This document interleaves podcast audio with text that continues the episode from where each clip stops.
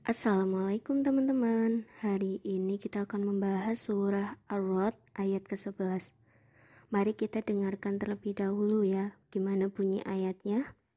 Lahu mu'aqibatun min bayni yadayhi wa min khalfihi yahfazunahu min amrillah.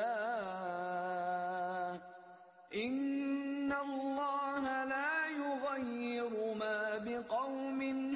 حتى يغيروا ما بأنفسهم وإذا أراد الله بقوم سوءا فلا مرد له وما لهم من دونه من وال.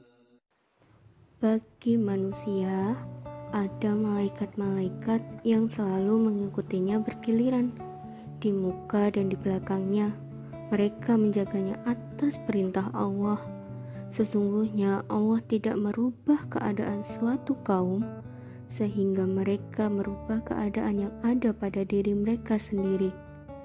Dan apabila Allah menghendaki keburukan terhadap suatu kaum, maka tak ada yang dapat menolaknya, dan sekali-kali tak ada pelindung bagi mereka selain Dia.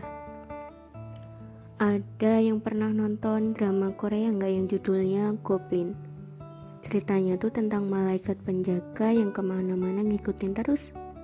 Nah, di dalam Al-Quran ada loh yang kayak gitu, lebih keren malahan dan asli. Sebab ini adalah malaikat Allah. Kalau dari ayat yang udah kita baca tadi, adalah tentang malaikat yang selalu ngikutin kita, selalu ada di depan dan di belakang kita. Allah mention dengan kata mu'aqibatu dari kata akoba. Akoba tuh semacam gunung yang tinggi banget yang kita itu susah banget untuk sampai ke puncaknya. Misal kalau kita punya teman yang teman itu selalu ngikutin ke mana pun kita pergi. Kayak di video klipnya Peter Pan dulu yang judulnya menghapus jejakmu. Itu kan Ariel diikutin terus tuh setiap langkahnya sama mbak-mbak siapalah entah itu namanya.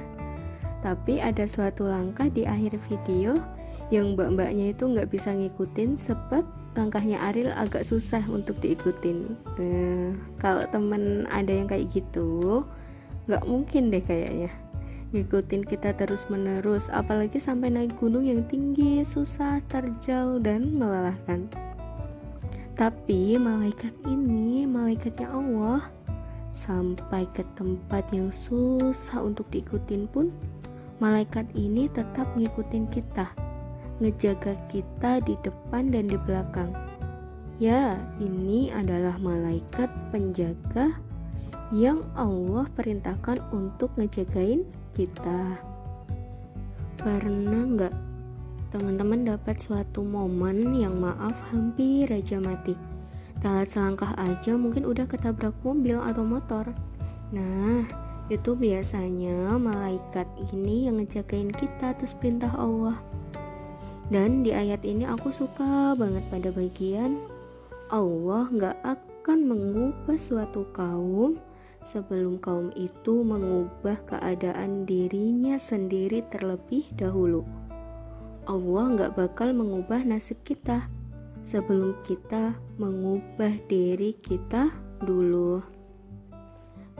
Kerennya nih, kata mengubah di sini Allah mention dengan kata khairu, bukan islah. Bedanya, kalau islah itu mengubah dari buruk ke baik atau memperbaiki gitu kan. Nah, kalau khairu itu mengubah dari baik ke buruk. Maybe akan timbul pertanyaan, eh kok Allah mengubah jadi buruk sih?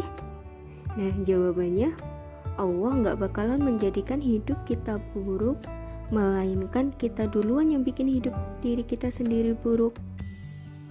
Jadi sebenarnya saat keadaan hidup kita buruk, itu bukan Allah yang mulai, tapi diri kita sendiri inilah yang mulai.